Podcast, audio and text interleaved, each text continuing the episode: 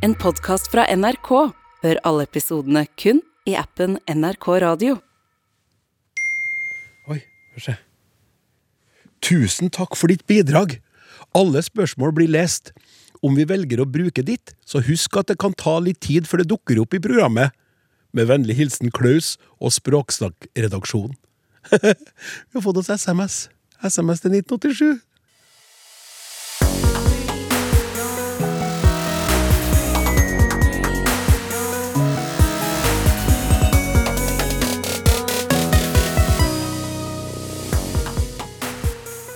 Fins det ikke mannfolk i Trøndelag?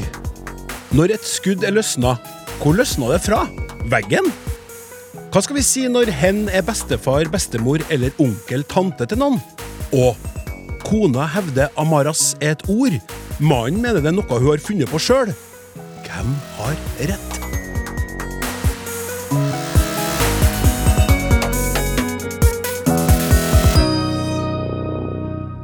Hjertelig velkommen til Språksnakk, kjære lytter, enten du er innom for første gang, eller er en av gledelig mange som har oss som et av sine favorittprogrammer eller eh, podkast. Alle som produserer lydinnhold for et publikum, må jo ha noen som hører på, men vi er i tillegg helt avhengig av at du bidrar. Uten lytterspørsmål, intet språksnakk.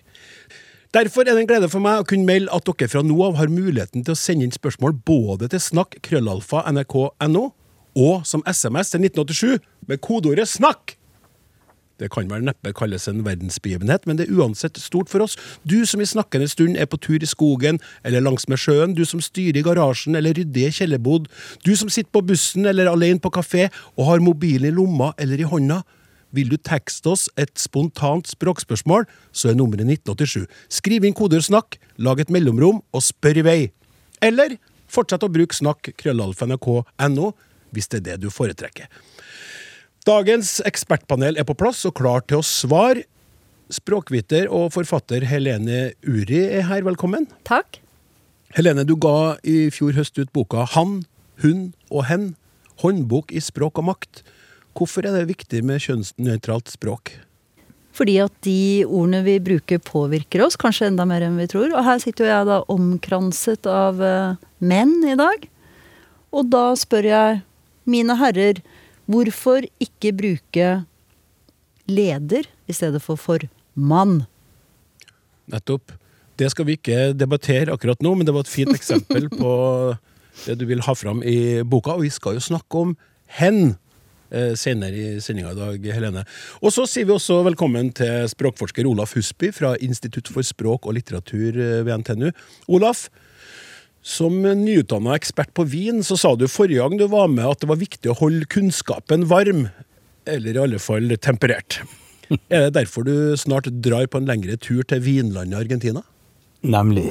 Det er jo et land som er kjent for veldig god vin. Og så er det to naboland, Uruguay og Chile, og de skal jeg òg. Og så blir det litt fotball, og så kanskje blir det litt tango, og så blir det mye artige ting å gjøre. Så bra. Eh, men hyggelig at du tok deg tid til å være her i dag. Og så sist, men for første gang i Språksnakkpanelet, André Midtskogsæter Reite. Som til daglig har sitt virke ved Institutt for lærerutdanning ved NTNU. Du er debutant her, André, men noen som står deg nær, har vært med opptil flere ganger i Språksnakk før? Ja, det stemmer. Jeg har ei kone som heter Rikke van Ommeren. Og hun er vel, eh, har vært her noen ganger, ja. Det har hun, vet du. Eh, blir det mye språksnakk i heimen når mann og kone er forskere på samme felt? Ja, sjølsagt. Eh, og det er jo også ganske deilig å kunne ha en arena hvor man kan prate litt mer fritt. For i lærerutdanninga f.eks. så passer jeg jo veldig på å f.eks. ikke være for streng og ikke være for normativ overfor studentene. Men hjemme så er det lov å være sur og grinete og, og fæl. Og så uh, har vi jo også uh, produsert vårt eget forskningsobjekt. da. Et lite menneske som tilegner seg språk. Så det er også noe som opptar oss mye. Ja, Og er det ikke også et uh, lite forskningsobjekt på vei? Vi trenger sammenligningsgrunnlag. vet du. Nå har vi en fireåring, og så kommer det en til nå i mars. Ja, Så bra. Da setter vi i gang, kjære dere. Min kone mener bestemt at ordet amaras, eller amaras, er et norsk ord som hun bruker i betydningen slitsomt, masete og altså mye ståk og styr. Hun lurer på hvor hun har det fra, mens jeg mener det er et ord hun har funnet på til privat bruk. Kan Språksnakk avklare noe her og gjøre en innsats for husfreden? Og da spørs det da om han Kjell Knutsen eh, i Ytre Enebakk eh, vil få husfreden på plass, eller om det vil bli mer bråk etter at vi har svart på det her, Helene? Språksnakk, eh, avdeling for familieterapi og husfred, er i hvert fall klar for eh, innsats. Jeg har eh, lekt språkdetektiv. Jeg har hatt det litt sånn strevsomt, men veldig morsomt underveis. Og jeg har funnet ut nok til å kunne svare uten tvil og nølen. Kjære Kjell, spiss ører. Amaras er ikke et ord som kona har fantasert seg frem til. Oh! Men uh, jeg Da sitter den sånn Søren! Ja. Sorry, da tok jeg hele mikrofonen. Jeg ser for meg meg sjøl, nemlig. Hadde vært meg. Så hadde sittet med radioapparat eller hørte på podkast nå. Fortsett, Helene. Jeg tenkte jeg skulle begynne med en liten ordklasseavklaring. fordi at Kjell Knutsen skriver at kona påstår at amaras betyr slitsomt, masete, altså et adjektiv. Og mye ståk og styr, altså et substantiv. Og det er et substantiv, bare at vi vet det. Og det betyr slit, mas, ståk og styr. Og så tilbake til etterforskningen. Jeg har slått opp i ordbøker, både digitale ordbøker og de litt mer sånn bokhylle, stedsbundne ordbøkene. Og jeg har også slått opp i den største ordboken av dem alle, nemlig bokhylla.no. Som er Nasjonalbibliotekets samling av i prinsippet alle bøker frem til år 2000. Og der fant jeg ett eksempel i én bok. Eh, Og det var mange treff på selve ordet, men da som egennavn. Altså Amaras røde munn eller noe sånt. Men det har ingenting med denne saken å gjøre. Men i en bok av Marit Alsvik fra 1997 som heter Små siddisar Her har du muligheten til å si det på stavangersk hvis du vil. Små siddisar? Ja. Eh, historiske glimt fra barns oppvekst i Stavanger er undertittelen. Og der står det i et avsnitt som handler om lastebåter. Alt pikk og pakk kom vel om bord, men selvfølgelig ikke uten Amaras. Og Amaras står da i anførselstegn, som om forfatteren gjerne vil signalisere at at dette er litt sjelden i skrift. Eh, og det var hele bokfangsten. Men bokhylla.no inneholder jo også aviser, og der fant jeg flere. Der hadde jeg rundt 30 treff. Og det var morsomt, for det var 100 år gamle treff, og så var det nye treff. Eh, fra avisen Stavangeren i 1928. Men denne gangen hadde vi så meget amaras med klestørk, sto det. Og så fra Stavanger Aftenblad 1988. Det er ikke noe å lage amarassa, det er bare slik det skal være. Så, så her var det altså en god del eh, treff. Og midt blant alle disse eksemplene så fant jeg en liten notis i Tønsberg Blad fra 1973, der en leser Lillemor etterlyser ordet, i likhet med Kjell. Hun skriver at hun har lett i ordbøker, men ikke funnet noe, i likhet med meg. Eh, For jeg har altså sett i det jeg har av ordbøker hjemme, og jeg har sett på nettet, og jeg har forsøkt forskjellige stavmåter med to m-er og to r-er og to s-er og sant, forskjellige kombinasjoner. Ja. Men ingen treff. Ikke i Norsk Akademis eh, ordbok. Og jeg kan til og med si at jeg personlig spurte om det ikke kunne finnes et bitte, bitte lite amaras i et arkiv i, hos Nao, men eh, det var ingenting. Det ville vel sikkert blitt for mye Amaras hvis de skulle ha Jeg visste at du kom til å lage noen ja. morsomheter med dette. Eh, og det var heller ingenting i de store ordbøkene over svensk og dansk. Eh, norsk ordbok, ordbok over det norske folkemålet og det nynorske skriftsmålet, det var jo det, der hadde jeg virkelig forventninger. Regnet med at der kom jeg til å finne noe. Og det syns jeg var så rart, siden jeg hadde såpass mange belegg i avismaterialet. Jeg fant jo over 30 der. Og så på nettet så fant jeg også ett enslig relevant treff for Amaras. Og det var Marianne Furumo, som på Twitter for et par år siden lurte på om noen hadde hørt dette ordet. Velkommen blant oss, Marianne. Eh, For Marianne brukte jo dette ordet, da, men lurte på om eh, andre også kjente det. Ingen respons til Marianne på Twitter, så jeg har mailet med henne. Og Marianne sitter nå og er like spent og nysgjerrig på dette som både Kjell og kona og oss andre. Og så tilbake til Lillemor, som sendte spørsmål til Tønsberg Blad i 1973. Og det ble en hel liten føljetong av dette. Sandefjord Blad blandet seg inn, og Tønsberg Blad fulgte opp osv. Alt ligger der på bokhylla.no. Men så skjer det nemlig et gjennombrudd i min etterforskning. Fordi journalisten i Tønsberg Blad Breaking news! Yes! Svarte at ja, det eneste stedet hun selvsagt hadde funnet ordet, var i en bok om Vestfoldmål. Og da, der på skjermen foran mine øyne, så dukker den alternative stavemåten ame-ras opp. Og den varianten hadde jeg jo ikke prøvd. Nå prøvde jeg det, og da ble det mange treff. Både i bøker, Kjartan Fløgstad bruker det i flere av romanene sine, i aviser, på nettet, og her er en kunstpause. Også som oppslagsord i Norsk ordbok. Og da ble jeg like glad som jeg tror den jevne detektiv blir når hen har løst en uh, gåte. Yes! Aha. Artig! Ja. Så det var den én som mangla? Ja. Ameras. ja.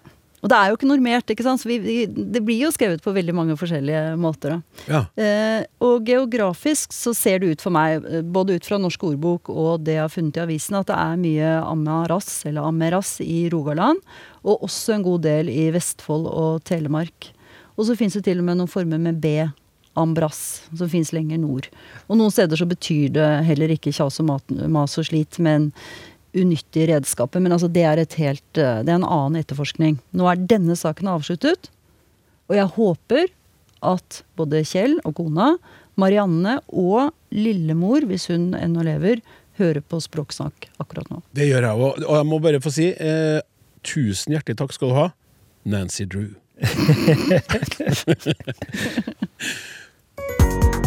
Språksnakk med Klaus Sonstad. Hei, Språksnakk. Min sjef er frustrert over at jeg ikke bruker komma når jeg innleder en e-post, sånn som over. Han mener altså at det skal være Hei, Språksnakk. Etter å ha googlet litt, finner jeg ut at han har rett. Irriterende nok. Men hvorfor er det sånn? Jeg syns ikke jeg har behov for en pause i en såpass kort hilsen. Med vennlig hilsen, uten komma, Maren. Olaf, hva tenker du om det Maren mener her? Jeg tror jo at det kan være lurt å ha et komma i den sammenhengen. Vi skal komme inn på noen eksempler etterpå. Eh, Dette inngår jo i et, eh, et regelverk for hvordan vi skal bruke komma på norsk. Så, og på, på Språkrådet så ligger det jo ei liste over ti kommaregler. Og da står det jo 'husk at vi setter komma for at det skal bli lettere å lese', ikke for at det skal bli vanskeligere å skrive. Så, og det, Hun kommenterer jo her, hun, hun Maren òg, at hun trenger ikke komme, hun trenger ikke den pausen. Og kanskje kan det være sånn når man har ord som er hei, at det, at det på en måte flyter over i et navn. Altså Her er jo, er jo en situasjon hvor du påkaller oppmerksomhet. Og eh, La oss si at du, du snakker til en person som, og du bruker navnet, og du vil si f.eks. takk, Klaus. Så skal jo det etter denne regelen her skrives med komma. Men hvis jeg nå på en måte snakker det eller sier det uten å på en måte, ha en slags sånn komma i bunnen, så sier jeg 'takk, Klaus'. Altså Jeg kan si til han André det her bør du takke han Klaus for. Nettopp. Og da får vi på en måte forskjellen som komma gjør. Takk, Klaus, som er rett etter det. Og det andre da, sånn som jeg vil si det i min dialekt, takk han Klaus. Mm. Og, det, og du, får, du, du kan sette opp mange sånne eksempler. Eh, Hanne løp. Eller kontra Hanne komma løp. Hanne kom det unna. Eller Jon kom kontra Jon komma kom hit, ikke sant. Så det er en god grunn for å ha de der. Eh, Og det- er veldig tydelig når du, når du eh, bruker navn. Ja. Og så er da regelen på en måte forlenga eller utvida til å ha sagt at det her gjelder da når, et ord, når du bruker et ord for å påkalle oppmerksomhet. Altså hei, du, dere. Hei, Språksnakk. Hei, språksnakk. Og så kan det jo, i tillegg til at eh, du nå anbefaler at Maren gjør det ut ifra gjeldende regler, kanskje også være lurt av henne på det her lille punktet å gjøre som sjefen sier. Det tror jeg. For at uh, hvis det er så lite, så må sette inn et komma for at sjefen skal bli fornøyd. Da har ikke han mye trøbbel på arbeidsplassen. Nå er jo komma en veldig liten, et veldig lite skrifttegn. Men det kom altså ei bok i 2014 som heter Komma. Den er på nesten 200 sider om komma. Av Bård Borch Michaelsen. Du får alltid Kan sånn eh, anbefales. så artig smil. Du har jo lånt meg bok som handler om bokstavene R. Ja, Ja, det er, det er mange av de små detaljene her som er veldig interessante å grave seg ned i. Ja. Og denne kommaboka kan anbefales. Den ligger òg på, på bokhylla.no. ja. Fint. Takk skal du ha.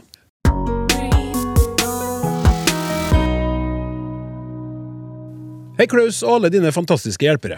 Dette kan kanskje være et litt sensitivt tema, men det jeg lurer på, er skudd. I media, når de melder om eh, skudd løsnet, skudd gikk av, skuddene falt. Når det skrives sånn, så lurer jeg på hva løsnet skuddet av? Løsnet det fra veggen der det var hengt opp? Hva gikk skuddet av? Gikk det av eh, ferja eller bussen? Hva falt skuddene av fra? Falt de ned fra hylla eller ut av lomma? Selv mener jeg, som jobber med våpen, at et skudd kun kan bli avfyrt. Altså at det er en aktiv handling bak det. Er det noe her som er mer rett enn noe annet? Med vennlig hilsen Vidar Aron. André. Tja, for å svare kort Tja! Eh, For det vil jo spørs helt på sammenhengen, da, eller konteksten, vil jeg mene. Og når Vidar eh, skriver at han jobber med våpen, så regner jeg med at det blir stilt litt andre krav til presisjon og uttrykke det som skjer teknisk riktig, enn f.eks. når jeg skal prate om det. Så når eh, Vidar kun tillater at et skudd kan bli avfyrt, og at det er noen eller noe som fyrer av skuddet, så kjøper jeg jo det glatt. Men samtidig så vil jeg ikke si at det ikke finnes andre måter å formulere seg på, som også får fram at et skudd kommer ut av et geværløp, eh, og dessuten at det kan være en aktiv handling bak skytinga. Og det finnes jo mange grunner til at en har lyst til å variere måten å uttrykke seg på, og språket er jo fullt av ulike omskrivinger, språklige bilder, metaforer, eufemismer og så bortetter. Både i dagligtale og i romaner og i kongens taler, og ikke minst i sportsjournalistikk, da, hvor det er fryktelig mye skyting som foregår, som en jo må repetere gang etter gang. Nå er det jo håndball-VM, og der er det jo 60 skudd, vel, som fører til mål hver kamp, så da er det jo et behov for å si det på ulike måter. Det som blir morsomt da, med spørsmålet til Vidar, det er jo at han har skrevet inn én eh, lesing eller én tolking av de ulike uttrykka løsne, gå av og falle. Sånn at noe bare kan løsne om det allerede er hengt opp på en vegg. Eh, at den bare kan gå av et transportmiddel, eller at å falle bare kan skje altså fullstendig vertikalt da, ned fra ei hylle eller fra ei lomme. Men alle disse uttrykka har eh, et større bruksområde og et større betydningsområde. Og for å gløtte nærmere på det, så kan gjøre noe av det morsomste som fins, som Helene også har gjort allerede, nemlig å bla i ordbøker og kose seg. Og da kan vi jo eh, titte litt på disse tre eh, uttrykksmåtene, da, eller orda. Og hvis vi først ser på løsne, så er det et, et ganske kult verb som har både en intransitiv og en transitiv versjon på eh, bokmål. Altså en versjon som kan ta et objekt, og en versjon som ikke tar objekt. Så vi kan jo egentlig si at det er to verb, da, men at de ser helt like ut. På nynorsk for eksempel, så er de jo ulike. Da har du losne og løyse. Og det her er et eksempel på det vi kaller for eh, parverb. Og det er da verbpar hvor det, hvor det, ene tar objekt, er transitivt, og det andre ikke tar objekt og er intransitivt. Noen ganger så har de litt ulik skrivemåte, noen ganger så har de også litt ulik bøying. Et sånt eksempel på parverb som jeg husker fra egen skolegang, og som jeg tror er et ganske sånn gjengs eksempel, det er forskjellen på å brenne og brenne. Hvor eh, å brenne med bøyinga brenne, brenner, brant, har brent, er eh, intransitivt. Så et hus brant i går. Men hvis man har et objekt, f.eks. brenner et straffespark, så bøyes det svakt. Han brente et straffespark i går. Det er på bokmål, da. Dette er jo øh, noe som varierer veldig mye i forskjellige talemål, og i mange dialekter så er det ikke noe forskjell på brenne og brenne.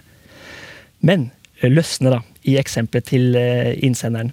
Der er det noe som løsner fra veggen der det er hengt opp. Og det vil jo da være et intransitivt verb i eksempelet som ikke tar objekt. Og da blir det kanskje litt rart med at et skudd bare løsner. Men i ordboka så ser vi at løsne eh, er rikere både betydningsmessig og bruksmessig. Ei skrue kan løsne fra veggen, men man kan også løsne ting. Man kan løsne et sikkerhetsbelte, man kan løsne et grep, man kan løsne taket. Øl kan løsne tunga, sånn at det blir lettere å prate. Og også så kan man løsne skudd som da kanskje kan kalles et, et fast uttrykk med løsne. De løsnet et skudd derover i vest, skrev for eksempel Henrik Ibsen om, eh, om mordet på Abraham Lincoln i 1875. Eller han skrev det i 1875. Han ble drept ti år tidligere, så det tok kanskje så lang tid å få nyheten over. Eh, Og der er Norsk Akademis ordbok veldig kjekk. da, og har veldig mange eksempler på faktisk bruk av disse her uttrykka. Så i hvert fall i snart 150 år så har det vært helt gangbart å, å, å løsne skudd. Og så falle. Om løsne har mange betydninger og bruksmåter, så er det ikke noe imot å falle. Altså noe kan falle ned fra hylla, regn kan falle, et ord kan falle til jorda, men så kan også f.eks. elver falle. Nittelva som renner gjennom Lillestrøm, den, den faller ut i Øyeren. Uten at det innebærer en fryktelig voldsom vertikal bevegelse. da. Sklir liksom mer ut. Så om noen faller for fristelsen og fikler med et gevær, så kan det altså få et skudd til å falle. Og om det treffer noen, så kan hen da falle sammen, falle om, eller rett og slett bare falle. Vi sier jo at man faller i strid eller krig, f.eks. Og hen har jo da falt fra. Og så vil det forhåpentligvis falle en dom i en, en sånn type sak. Eller så kan man jo håpe at dette komplottet faller i fisk. At det ikke blir noe av. Og at de to personene heller kanskje faller for hverandre, blir forelska, og faller om hverandres halser. Kanskje gifta de seg og ble enige om å være sammen til Dovre faller, altså for alltid. Og om det faller seg slik, og blir full klaff, så kan det tenkes at den ene en vakker dag, når vårlyset faller inn gjennom vinduet, går på og det er et uttrykk jeg ikke har hørt før. Går på fallende fot. Vet du hva det betyr? Nei. Å være høg... Her kommer Ja, svaret. for du burde jo vite det, du som har eh, Det er aktuelt hjemme hos deg. Absolutt. Da er man høygravid. Å, Da går man på fallende fot. er sant? Så artig. Så falle det kan brukes på mange forskjellige måter. Og det kan også gå. Trenger ikke å gå like grundig til verks der, for gå har jo ekstremt mange Ja, det, eh, bruksmåter. det, får, det, får, det må vi si fra med en gang, André. Det får du ikke lov til å dra i samme Niks. Men hvis vi bare holder oss til gå av, så kan det også bety eh, mer enn én ting. Kan? Det er ikke bare sånn at man bare kan gå av en buss. Eh, Gerhardsen, regjeringa måtte f.eks. gå av. Eh, Lillestrøm gikk av med seieren mot Rosenborg to ganger. i- Oi, oi, oi, ikke oi, rolig nå, rolig nå. Rolig nå. Ja, og derfor så kan også et skudd eh, gå av. En, en forskjell, syns jeg sjøl i hvert fall, på å gå av og løsne, det er at gå av kanskje impliserer i større grad at det ikke er en sånn villa handling bak. da. Det bare gikk av. sant? Så han eh, belgiske skiskytteren som gikk på ræva i Poklioka for et par-tre uker siden, han kan være glad for at eh, skuddet ikke gikk av da han drev og pirka snø ut av geværet sitt der. Kikka opp i løpet samtidig. Ja. Så summa summarum, er noe noe mer rett enn eh, noe annet? Pss, ikke godt å si. Nei. Håper det svaret traff deg, Vidar Aron.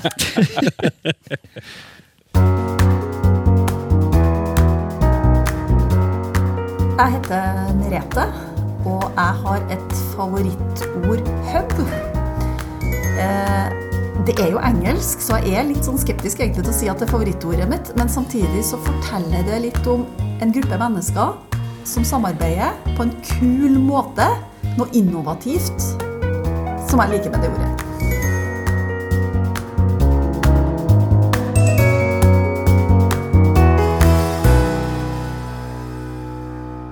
I Språksnakk så er vi jo, som jeg sa tidligere i sendinga, avhengig av eh, at dere sender inn spørsmål, men det er også veldig stas når dere sender inn tilbakemeldinger på ting dere har hørt, blitt omtalt eller besvart i programmet, som eh, Bjørn Werner Nilsen har gjort. Hei! Hørte ikke hele programmet i dag, men hørte om mange varianter av hvilken, hvilket, hvilke i dialektene våre. I min larviksdialekt sa vi 'vekk en bil', 'vekk ei bok', eventuelt 'vekk av bok', 'vekk et hus', og i flertall 'vekk av papirer er det du leiter etter'. Jeg har aldri prøvd å skrive disse formene før, men velger å ha HV og ikke bare V. Her er det kanskje også noe å snakke om, hvis det ikke allerede er gjort, skriver han. Og så har vi her fra Kari. Eh, Hei og takk for interessant og artig program. Jeg har en kommentar til diskusjonen om hvordan og hvilken. Det ble referert til at østnorsk har hvilken, i motsetning til vest- og nordnorsk. Jeg vil føye til at en i muntlig østnorsk, gjelder i hvert fall Oslo øst og en del østnorske dialekter, også finner åssen som spørrepronomen, jf. nordnorsk hvordan, hvordan. Vennlig hilsen Kari Quisle. Og så, den her er fin. Hei! Hørte på Språksnakk når dere snakka om hvilken på ulike dialekter. Min femåring, som vokser opp på Melhus i Trøndelag, men med østlandsk far, sier konsekvent 'kilken'. Så han har altså brukt samme regel for trøndifisering av spørreord her som for de andre som skrives med HV, men som uttales med K, som hva og hvem. Interessant og artig, syns jeg. Med vennlig hilsen Silje Aurora Løkken. Silje, vi er helt enige med deg.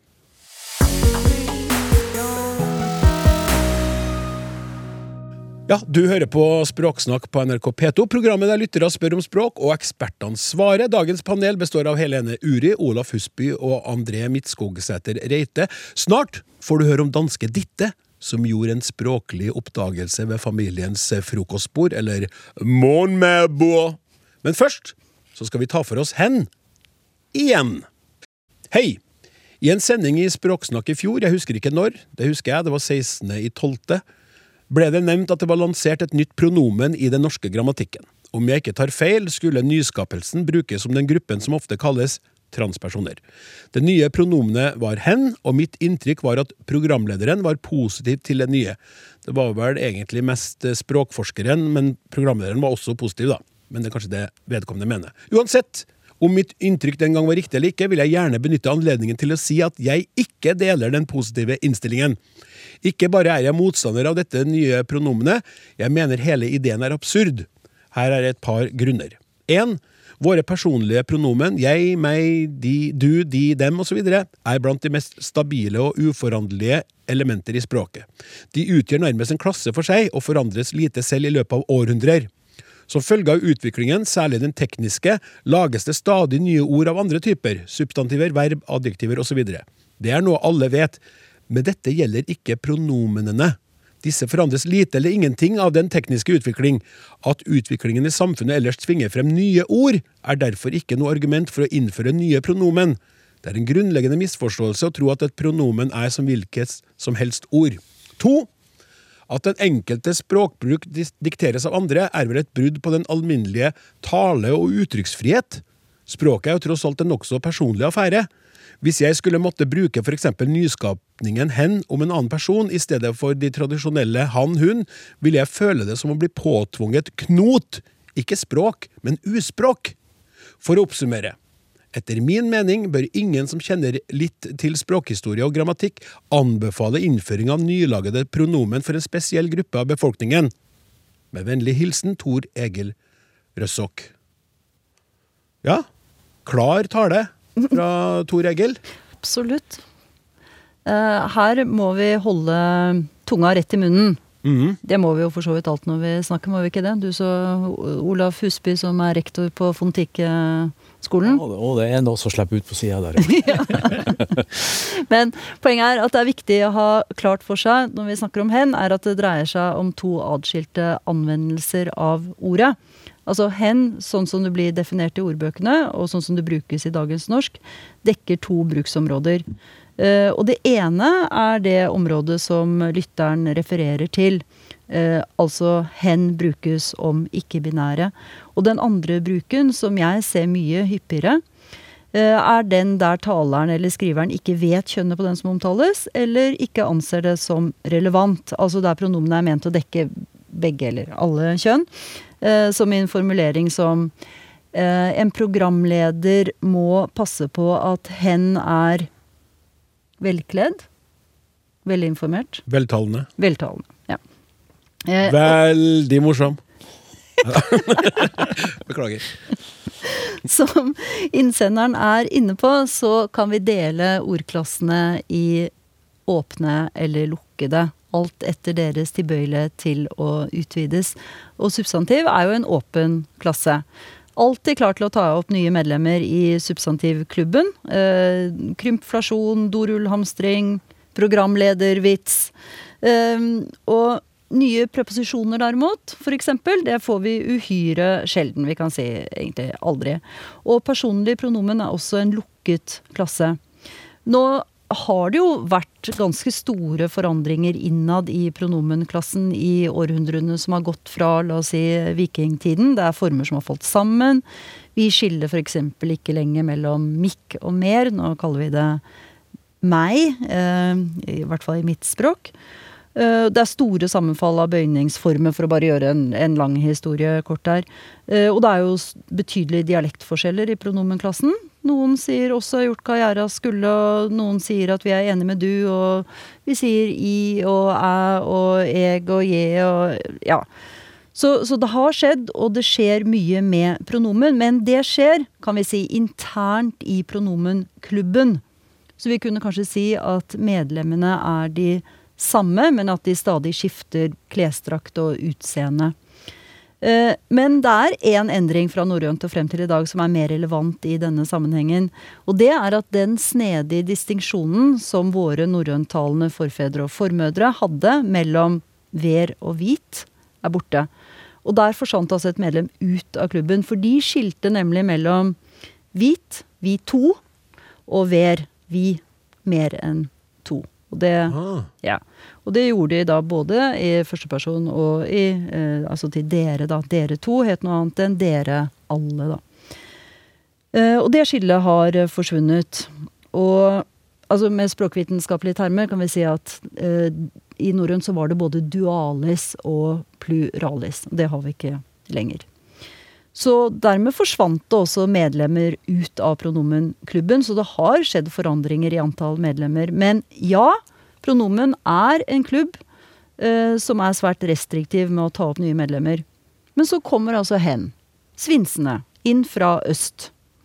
Og ordet dekker da åpenbart et slags behov hos mange språkbrukere, for det ble tatt i bruk. Eh, vi kan si at hen søkte medlemskap i denne eksklusive klubben og kom inn. Og det er en liten lingvistisk sensasjon. Som jeg syns er en gledelig eh, begivenhet. Og så ble det jo da godkjent i 2022 av Språkrådet. Og Språkrådet kan jo mene at et ord er en god idé, men det spiller jo faktisk veldig liten rolle hvis ikke språkbrukerne er enige. Men her ser det ut til å være det, for det hen brukes mye. Jeg har funnet mange eksempler bare den siste uken. Her er ett fra Aftenposten. Er den skråsikre medarbeideren irrasjonell og arrogant, eller er hen svært kunnskapsrik? Ja. Og så til slutt eh, til dette om den enkeltes språkbruk skal dikteres av andre. Og svaret på det er jo at det anses som høflig å ta hensyn til andres ønske om hvordan akkurat de skal omtales. Jeg heter Helene, ikke Helen, og mitt foretrukne pronomen er hun. Og jeg ville jo ikke satt pris på om dere insisterte på å kalle meg Helen og omtale meg som han eller hen. Uh, og som innsenderen helt sikkert uh, kjenner til, så har jo noen minoritetsgrupper hatt berettigede ønsker om å ikke bli omtalt med enkelte ord. De aller fleste har fått med seg at brune mennesker ikke syns det såkalte N-ordet er noe stas. Og det syns jo jeg man skal respektere.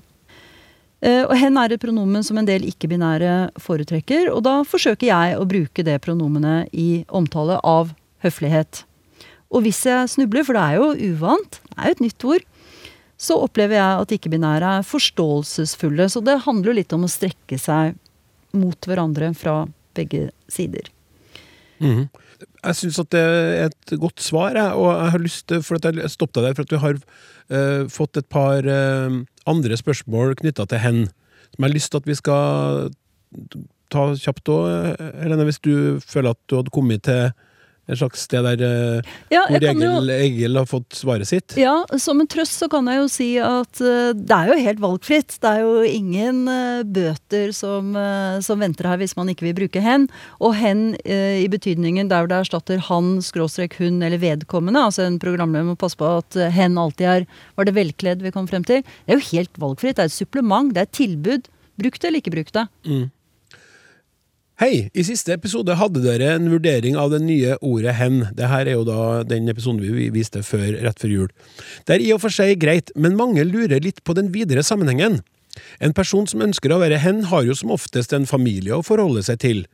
Lurer derpå, derfor på hvordan dette blir når hen for eksempel er onkel, tante til noen, bestefar, bestemor eller kusine, fetter. For mange er det vanskelig, og en er redd for å såre vedkommende når en skal uttrykke seg. Kan dere hjelpe oss med dette? Skriv Åge M. Thoresen. Ja. Fint spørsmål. Ja. Her er det jo en som strekker seg etter å, å ikke støte noen, og vil eh, gjøre det rett på alle vis. Ja, og det er jo et veldig interessant spørsmål, fordi som innsenderen skriver, så har vi jo alle disse ordene der personer er enten kvinner eller menn. Mor og far og søstre og bror og onkel og tante. Eh, Så hva slags familieintern tittel eller benevnelse skal da den ikke-binære ha? Jeg tror jeg skal begynne med å si noe om eh, fornavn. Eh, Fordi her er det jo ganske ulik praksis. Og, fornavn er jo stort sett ikke kjønnsnøytrale. Hvis man heter André eller Klaus eller Olav, så, så da vet vi at det dreier seg om en mann. Um, og blant ikke-binære så erfarer i hvert fall jeg at her er det ganske ulik praksis. Og det er jo ikke noe rart. De er jo like forskjellige, de som eh, alle andre mennesker. Noen beholder sitt døpenavn, som da er kjønnet, mens andre finner et nytt, ofte ikke-kjønnet navn. Og jeg tror jo svaret til eh, Åge også må være Altså, spør. Spør eh, hva slags benevnelse de foretrekker, og så kan man kanskje i samarbeid finne frem til en god løsning. Eh, og i våre dager så har vi jo fått litt erfaring med bonusfamilier og nye konstellasjoner. Det er jo mange nye benevnelser i spill. ikke sant? Man kan snakke om en familie med to mødre. Kan den ene være fødemor og den andre medmor. Og de kan kanskje omtales som mor og mamma. Og i en annen familie kan det være både farmor og bestemor og Mimmi, som kanskje er farfars nye kone.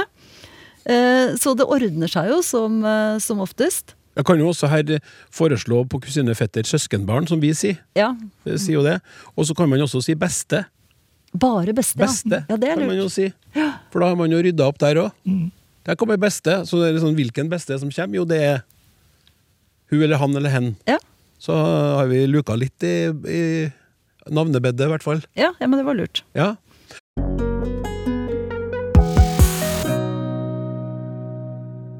Og så er det et siste et her fra Reinhardt som jeg syns var artig. Der er jeg litt eh, usikker på hvor seriøs han er, men det, det er artig likevel. Jeg synes begrepet hen er utmerket, særlig fordi det er praktisk i situasjoner hvor det føles feil å ikke nevne begge kjønn. Jeg har ofte lyst til å ta dette videre til lignende begreper, og eksempelvis skrive behenning, henskap, forhenskap, istedenfor bemanning, mannskap og formannskap. Hva synes dere om dette? Ja, det er meg igjen nå, da, tenker jeg. Ja, Fordi- ja. Siste, siste hen til hun i dag. Språk og kjønn er Det er jo kjempegøy. Jeg tror det som jeg, eneste som jeg syns er enda morsommere, det er å gå på sopptur. Men nå er det jo vinter. Um, her går det an å si så veldig mye. Jeg skal prøve å fatte meg Du må eh, korte deg i fattighet nå, for vi skal videre i programmet, som jeg bruker å si. Vi må begynne med å si at ordet mann har en dobbeltbetydning. Det betyr voksent individ av hannkjønn, og det betyr menneske. Og det er en dobbelthet vi finner i mange språk. Vi kan nøye oss med å sitere 'All men are created equal'. Ikke sant? Eh, norrønt mader betydde menneske, og derfor har vi mange manneord i moderne norsk. Eh, manns minne, mann av huset, mann for sin natt, alle mann alle, alle mann på dekk, eh, mannefall, manntall, mannevond, være mann for noe, ingenmannsland, allemannseie, mannsterke, osv., osv. Og også alt mulig mann og ankermann og bestemann og førstemann og gjerningsmann og landsmann og minstemann og målmann og sidemann og vitenskapsmann og sistemann. Og dette var bare et bitte, bitte lite utplukk. Og selv om alle disse ordene her er ment å omfatte begge, eller alle kjønn, så er det altså ikke sånn at alle oppfatter det på den måten i 2023. Og så har det jo kommet nye statlige og kommunale titler. Eh, Statsforvalter, sysselmester, riksmegler og mange, mange flere. Så det, det er grei skuring. De er kjønnsnøytrale. Men hva gjør vi med alle disse andre manneordene? Av og til så kan vi jo si noe litt annet. Vi kan si at dronning Elisabeth var engelsk, ikke engelsk mann. Vi kan si 'snakk med den som sitter ved siden av deg' i stedet for 'sidemannen'. Man kan vente på grønt lys i stedet for 'grønn mann'. Eh, Reinhardt har jo veldig dristige forslag.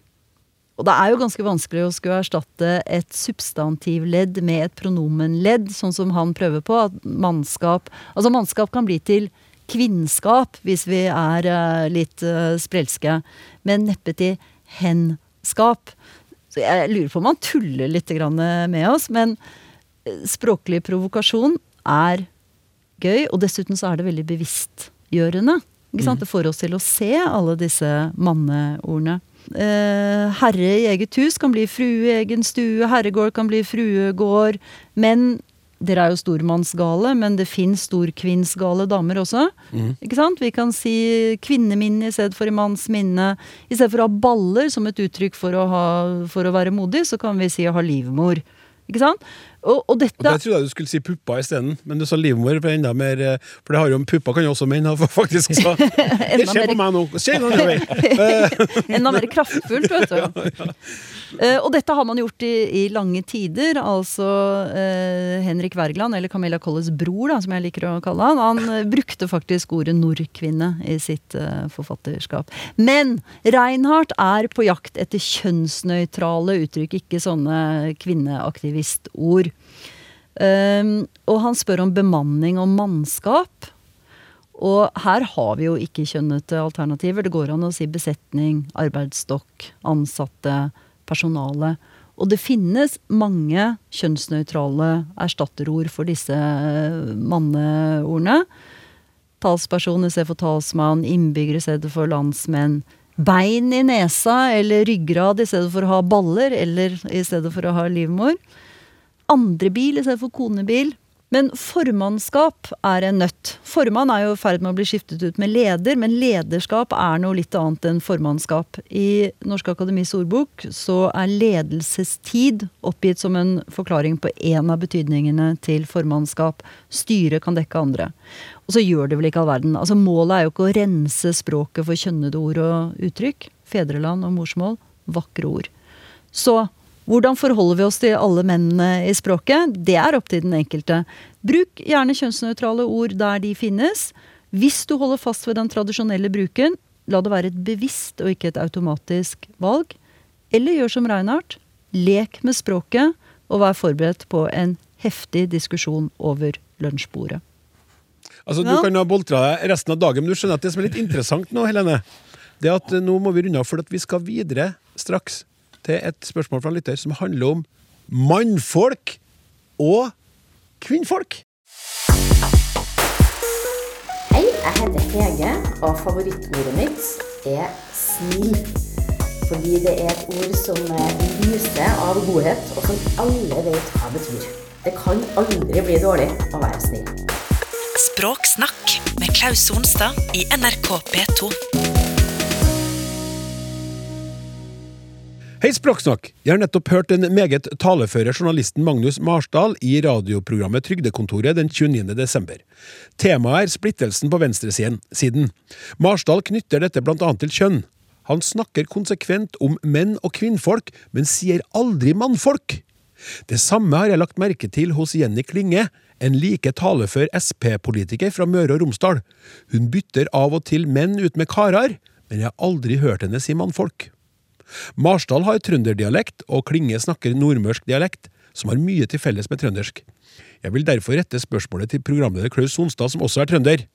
Finnes det ikke mannfolk i denne regionen? Jeg skal komme tilbake til det, det etterpå. Alternative forklaringer til at man snakker om menn og kvinnfolk enn den rent språklige, hadde også vært interessant å få belyst. Kan det være slik at ordenes valør og assosiasjoner også formidler noen holdninger til kjønnene? Takknemlig for synspunkter. Vennlig hilsen Anne Grete Myhre. Eh, Anne Grete, nå skjønner jeg jo at du ikke spør sånn som jeg tenkte først, eh, men jeg kan si at jeg sier jo mannfolk innimellom. Jeg sier det. Men André, du skal ta det her litt videre. Ja, det er en god observasjon, syns jeg. Jeg har iallfall aldri tenkt på dette før sjøl, men stilt eh, overfor spørsmålet, så har jeg stilt meg overfor uh, magefølelsen min, og da har jeg kommet fram til at jeg nok også er en menn- og kvinnfolk-type, altså. Ja. Men, men offer, er jeg det? Eh, om jeg smatter godt på disse orda, så får jeg en følelse av at mannfolk ikke passer like godt inn i et sånt ordpar, rett og slett.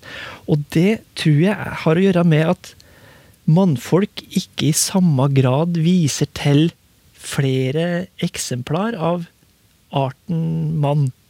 Eller enkelte kan være ett mannfolk. Chuck Norris det er et eh, bra mannfolk.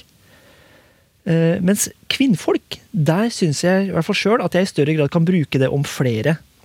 Også i entall. Hun var et grep av kvinnfolk.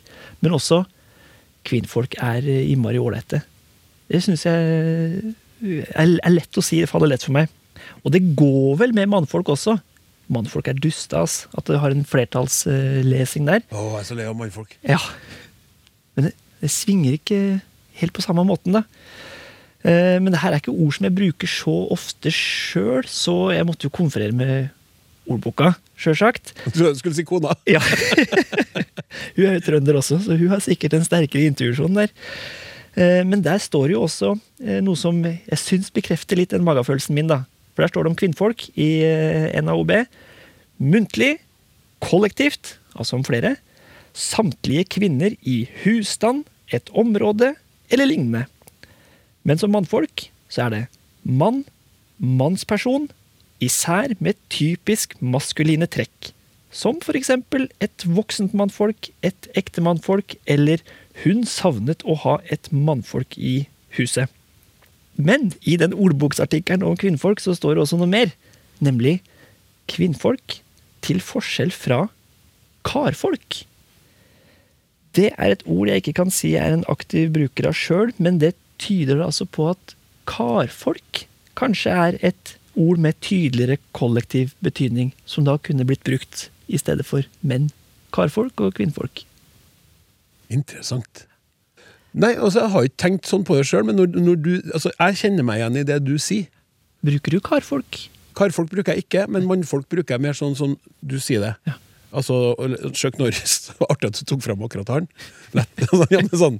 I hvert fall tilsynelatende et skikkelig mannfolk. Ja. Kvinnfolk som flere. Ja, enig. Hva- tenker kvinnfolket her i, Ja, i, i salen? Er Veldig hyggelig at jeg også fikk lov til å si noe i denne ja, maskuline ja, forsamlingen ja, her. ja, du har Ikke fått sagt noen ting. Nei, øh, André hoppet over noe som står i NAOB. Det står jo til dels røft eller nedsettende står det jo om kvinnfolk. Uh, og jeg hadde nok mistenkt Marsdal for å være en smule nedlatende overfor kvinner, ja. Jeg reagerer på menn og kvinnfolk.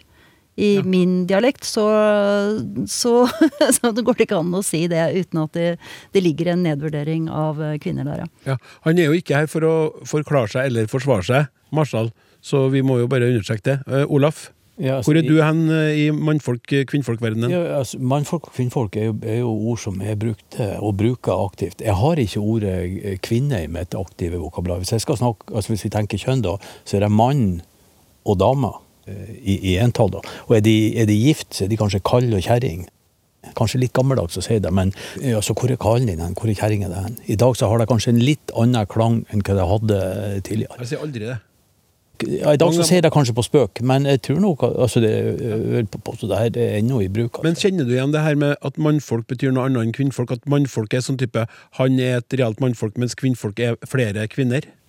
Litt usikker, for at jeg kan fort komme til å bruke eh, eh, flertallsformer. Mannfolkene, kvinnfolkene. ikke sant? Og da får du da på en måte flertallet, kollektivet inn der. Kvinnfolkene er på kjøkkenet, og mannfolkene er på stua. Eller fotball? kanskje. Ja. Jeg tror nok sånn innerst eh, inne så er jeg enig med Andrea at det er en, der er en forskjellig det er kollektive, individuelle her. altså. Veldig interessant betraktning fra, som du sa, fra lytteren. Og jeg syns det var pent plassert i programmet rett etter hen, han og hun. Sånn for min egen del. Hvem var det som plasserte det der, mon tru? Det var skikkelig mannfolk.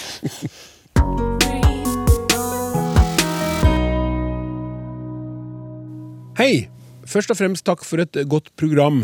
Som eh, nytilflytter i Norge er det en stor hjelp å kunne lytte til Språksnakk og forbedre mine norske språkkunnskaper, skriver denne danske lytteren. Når min familie og jeg sitter ved morgenmatsbordet, frokostbordet, ender vi ofte ut i en språkdiskusjon. Min kjæreste er svensk, jeg er dansk, og vår toårige sønn snakker norsk, som han lærer i barnehagen. I dag ved frokostbordet la jeg merke til at både min kjæreste og vår sønn anvender bestemt form utrolig mye i forhold til hva vi dansker gjør. Hvorfor det? Hvorfor bruker vi på dansk ikke bestemt form foran eh, possessive, possessive pronomen og possessive uttrykk, som man gjør både på norsk og svensk? Vennlig hilsen Ditte Holdensgård. Ditte, det syns jeg er ganske dansk. Ditte Holdensgård Olaf. Ja, det her er jo et fenomen som sorterer under, under begrepet eh, bestemthet. Og det så hun observerer ved, ved, ved frokostbordet, det er et markant skille som, som eh, deler skandinaviske språk i to grupper. Der du har dansk på den ene sida, så har du norsk, svensk, islandsk, færøysk på den andre sida. Så hun er definitivt i, mindretall her, altså. I norrøn tid så brukte man antagelig samme form, da. At, man sa eksempel dette, det hus, dette hus, dette store hus. Men så ble det behov da for å kanskje peke ut ting tydeligere. Altså akkurat det her huset. Og da utvikla man en form som vi kaller eh, eh, dobbeltbestemt eller overbestemt. Altså dette huset kontra dette hus. Og da får du da eh, flere former. Du får det huset, dette huset, dette gamle huset. Danskene var ikke med på den endringa der. Nei. Og da brer da seg denne, denne nye forma seg i de andre skandinaviske språkene. Og etter hvert så feller bort den her det vi kan kalle den demonstrative, pekende formen. Så det blir et mer nøytralt uttrykk som man bruker på ting som man har introdusert i, i samtalen. Og det levde da videre i de vestskandinaviske språkene, og en del av språket vårt i dag. Nå er det jo sånn at, eh, at eh, vi skrev jo eh, dansk i Norge til kanskje helt inn på, på 1900-tallet. Og uh, det her introduseres ikke i norsk uh, tekst før altså På 1840-tallet finnes det grammatikkbøker som fraråder folk å bruke formen 'dette huset' eller 'det huset'. Uh, Wergeland begynner å bruke det. Og så får vi Asbjørnsen og Moe sine eventyr. Og de har jo en sånn mer norsk stil, og de har direkte tale. Og er det den karen som ikke sant? Og da får du den forma inn. er det den karen som går langs veiene. Langt til føre og makten til gjøre. Og da får du inn den, den her uh, forma i litteraturen òg. Og utover uh, århundre, eller slutten av det 1800-tallet så blir det her på en måte akseptert som det her er den norske formen. Og så kommer det inn, og så blir det tilrådd som den norske måten å skrive på. Hvis vi legger merke til det, så er det jo sånn som Oditte gjør, som en kontrast til uh, dansk. Ja. Uh, og det her er jo noe som, som mange uh, jobber med når de skal lære seg norsk. Også. innvandrere som, som kommer hit, de, de, kjenner ikke den formen. De, kanskje tenker de på engelsk, for der har du jo et ord som ja, the, the house, this old house. Du har bare den bestemt forma først. Du har den ikke i altså dette gamle huset. Så kan man jo spørre har det her noen hensikt, egentlig? Altså Hvis du først har sagt 'dette hus', så har du jo peka ut og gjort deg bestemt at det er et bestemt hus du snakker om. Og Einar Lundeby, som har skrevet en doktorgrad om det på, på 60-tallet, en svær bok på langt over 300 sider om det, han sier at det her kanskje er unødvendig. Nyttig, men unødvendig. Så du mener at dette egentlig er på den sida som vi burde sogna til hele gjengen? Ja, men jeg tror ikke jeg er helt enig med han uh, Lundeby. At hvis vi tenker oss at du har uh, et engelsk uttrykk uh, to, to argumenter. Du har et engelsk uttrykk 'this old house'. Hvis jeg sier 'this old house', og du kommer til å hoste på Eller jeg sier 'the, the old house', og, og, du hoster når jeg sier det første ordet, så vil ikke André og, og, og Helene vite om sa han 'æ' eller 'the'. De vil ikke vite om det var bestemt eller ubestemt. I dansk da har man jo 'dette gamle hus'. Har du to host, og du bare hører 'hus', ikke sant? Men på norsk så har vi markert bestemthet tre ganger. Ja. Så vi får på en måte informasjon gjentatt tre ganger. Og det er gir, ord om for forkjølelse i samtale.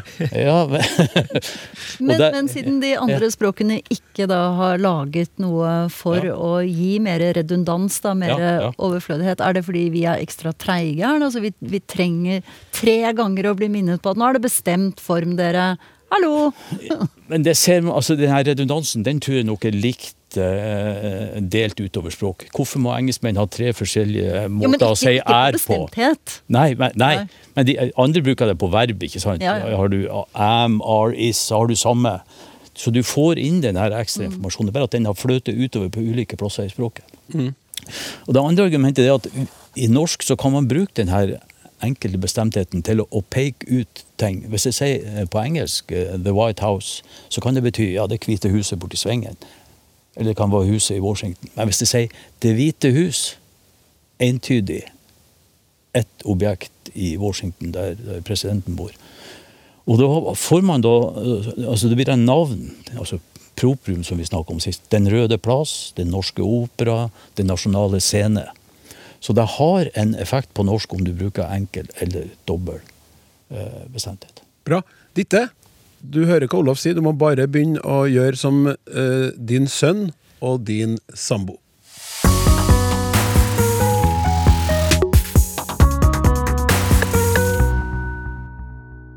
I den første episoden etter nyttår fortalte et av de trofaste medlemmene av ekspertpanelet, dyktige Olaf Husby, at han hadde gått hen og blitt vinekspert. Det er fabelaktig og åpner for nye muligheter i språksnakk, men denne henvendelsen gjelder selvsagt noe språklig. Det var Klaus som brakte temaet på banen, og han brukte det franske ordet sommelier, og han uttalte det sommelier. Med R la jeg himmelfallen merke til. Jeg ventet i åndeløs spenning på hvordan vinekspert og språkforsker Husby ville si ordet, om han ville korrigere Unges Onsdag, men jommen sa ikke også han sommelier. Ordet står i Det norske akademis ordbok, og uttalen er angitt til sommelier. Sommelier er et ord som ikke brukes hver dag, men det finnes et lignende tilfelle med et mye mer kjent og frekvent ord, som er ordbok, ordboksført i flere ordbøker. Jeg snakker om konferansier. Et ord jeg uttaler konferansier. I tråd med det som er oppgitt som eneste uttale i både NAOB, bokmålsordboka og nynorskordboka. Men jeg må innrømme at jeg kjenner meg nokså alene om å uttale det på denne måten, og jeg får en sterk følelse av at jeg språklig nærmer meg 107 år. Hva er Sonstads og Husbys kommentarer til den moderne uttalen av sommelier med r? Skammer de seg, eller gjør de opprør mot ordboksuttalen med stolthet? Og hvordan uttaler de konferansier? Hilsen Helene. Uri! Helene Uri har sendt inn det her! Er det mulig? Her sitter du og hører på og koser deg med våre feil. Jeg har alltid sagt konferansier og sommelier. Så jeg nå er jeg ferdig med det. Og jeg vil anta for deg, Olaf, at du var så oppglødd over å snakke om din nyutdannelse som vinekspert at du nesten ikke hørte hva du sjøl sa. Men hva sier du? Jeg tror nok jeg er sommelier, ja. Du gjør det, ja? Ja, og jeg, ja? nå Hva sier du? Konferansier? jo- Konferansier? Konferansier. Ja. André? Sommelier. Og Ja, konferansier. Ja! Ok. Da, da må vi jo bare konstatere at jeg og samtlige ordbøker eh, er eh, 107 år. ja, 107 år gamle. Her må jo uttaleangivelsene i ordbøkene oppdateres. fordi jeg, jeg har jo lagt merke til dette de siste årene, og det er veldig få som uttaler det sånn som jeg gjør det. Nei, men jeg, har jo, jeg vanka jo i et år i et miljø sant, hvor det var mange folk altså Vi snakka om vin og sommelier og alt. Så det ble en aktiv del, eller en del av med, aktive vokabular. Altså. Og hva ordboka sier Jeg sier jo veldig, veldig mye som ikke står i NAOB. Ja, Altså, ja, men dette er jo også bokmålsordboka. De har bare den Ja, uttalen. men- Vanligvis så har de jo uh, inkluderer bokmålsordboka òg, altså. Ja, og du traff meg Ja. veldig, skjønner du, Helene, for at uten å nevne navn, så har jeg en venn Ja. som uh, sier konferansier. Som er det var retta på. Såpass, ja. Så har jeg sagt til, til denne min gode venn Du, det heter ikke konferansier, det må du slutte å si. Det heter konferansier. Skjønner du? Men det var jo tre her som gjorde det. Så det, det, det, han er også da 107. Men hva tenker du om det her? Hva, hva slags fenomen er dette? Han har gått i det her miljøet med som, sånne andre sommelierer, og de har sagt sommelier. Ja, det er jo, Begge ordene er jo fra fransk, og det heter jo da sommelier og conferencier. Ikke sant? Uten R. Den er, den er helt klar. Og når jeg har sjekket da hva det heter i tysk og svensk og dansk, eller hva det som oppgis som uttalen, da, så er jo den også R-løs i alle andre språk. Eh, og for meg så er jo sommelier, det er jo en, det er jo en kvinnelig eh, vinkelner. Okay. Ja, det, da har du R-en også på, på fransk. Men jeg skjønner jo veldig godt at man gjør det, fordi det er jo ikke, sånn, det er jo ikke superfrekvente ord.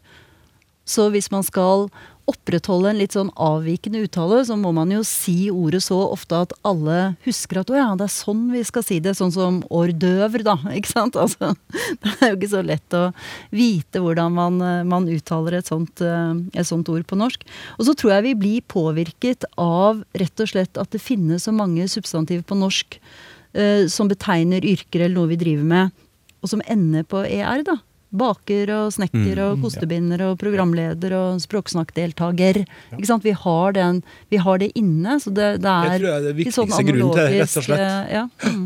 Eh, For øvrig så husker jeg den Du sa dere hors d'oeuvre, hva du kalte det for noe? Mm. Husker jeg noen som eh, i tidlig tid, da det dukka opp på markedet, siabatta. ja, ja, ja. Og det er, skjønner jeg godt at vedkommende sa det. Det, dukka opp, det var et veldig godt nytt bakverk som vi ikke var så vant til. Mm. Jeg skal ha en sånn siabatta. Ja. Så det, er- det er noe der. Men uh, vi, vi kan fortsette å si det, tenker du, selv om du, det skjærer litt i dine 107 år gamle ører. ja, det gjør det. Men jeg synes vi skal eh, sende en uh, mail til uh, en e-post til både redaksjonen i NAOB og til Bokmålsordboka og Nynorskordboka. Eh, De oppgir jo bare uttale på noen veldig få ord, og den er jo veiledende. Men her burde nok kanskje begge varianter stå. Ja, enig. Og det som er litt artig Så langt kan jeg strekke meg. Fint, Helene. Det som er litt artig, er at til dem så må vi sende e-post, men hvis du vil kontakte Språksnakk, så kan du nå sende SMS også! For vi har jo fått oss SMS med kodeord 'snakk' til 1987. Der kan du også sende inn spørsmål, eller du kan bruke snakk krøllalfa.nrk.no. Språksnakk er slutt for i dag. Tusen takk til Helene Uri, Olaf Husby og til debutant André Midtskogsæter Reite. Eh, takk for innsatsen. Eh, tekniker Martin Våge, produsent Hilde Håbjørg og jeg, Klaus Sonstad, takker for seg. Vi snakkes! Du har hørt en podkast fra NRK. Hør alle episodene kun i appen NRK Radio.